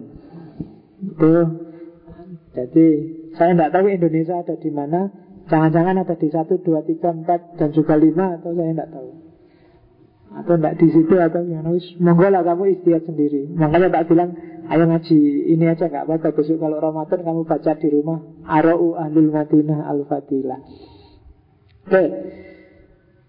Eh, saya agak cepet ya ini tingkat-tingkatannya. Ini tak ringkas dari Arau Ahlul Madinah dan Asyasa Al Madaniyah sejarahnya negara. Ini yang saya bilang tadi baunya agak mat. Jangan-jangan mat agak pinjam di sini jadi negara paling awal, komunitas paling awal itu namanya Madinah An-Nawabid. Negara kayu-kayuan, negara liar. Jadi pokoknya fokusnya memenuhi kebutuhan primer. Nggak terlalu bisa diatur orangnya. State of vegetable and nomadic state. Jadi orang sangat primitif masih. Belum punya teknologi, belum bisa mikir konseptual. Belum pakai baju bahkan. Ya. Yang kedua Al-Madinah Al-Bahimiyah. Masyarakat binatang. Ya kan? Biasanya sudah mulai tinggal Sudah mulai menetap Sudah mulai bercocok tanam. Tapi masih sangat sederhana. Kalau yang pertama tadi biasanya nomaden. Itu masyarakat primitif Jenis masyarakat yang kedua. Ada jenis yang ketiga Model negara paling awal adalah Madinah Madinah itu Doruro Negara kebetulan. Jadi dari keinginan sama-sama untuk hidup bersama Terus lahirlah negara yang seperti kita lihat sekarang. Saya butuh makan, saya butuh minum. Dia juga butuh makan. Oh ternyata kita punya kebutuhan yang sama. Yuk hidup bareng-bareng. Kita penuhi kebutuhan kita bersama-sama jenis komunitas sosial paling awal namanya Madinah ad Kemudian kalau di Madinah ad orang hanya mikir kebutuhan pokok, tidak mikir neko-neko. Naik lagi levelnya ada Madinah Al-Hissah. Jadi Selain kebutuhan pokok, orang terus baru mikir kebutuhan-kebutuhan yang lain, yang sekunder, kebutuhan kendaraan, rumah yang indah, kebutuhan tempat yang nyaman dan seterusnya. Tidak lagi primer. Kalau semula sekedar rumah yang penting nggak kehujanan, nggak kepanasan beres, sekarang mungkin mulai butuh yang lain. Terus naik lagi ke yang kelima, Madinatut Tabadul. Negara yang rakyatnya sudah mulai transisi dari masyarakat klasik, masyarakat kuno menuju masyarakat yang modern. Kalau di Farabi ini era revolusi industri. Revolusi ini sebenarnya revolusi industri dari saya. Kalau pakai bahasa modern namanya revolusi industri. Dari masyarakat yang sederhana menghadapi kebutuhan-kebutuhannya secara sederhana, mulai lahir cara berpikir konseptual dan mulai ngerti semacam teknologi. Itu Madinah itu tabadul, era transisi. Kemudian keenam ada Madinah itu. Nah ini mulai negara sudah mulai maju, itu biasanya muncul egoisme Orang mulai mengejar keuntungan pribadi atau keuntungan kelompok. Individualistik kapitalisme. Madinatu Nadzola. Negara jenis keenam. Nah, ini mulai kapitalis. Orang mulai mikir untung rugi.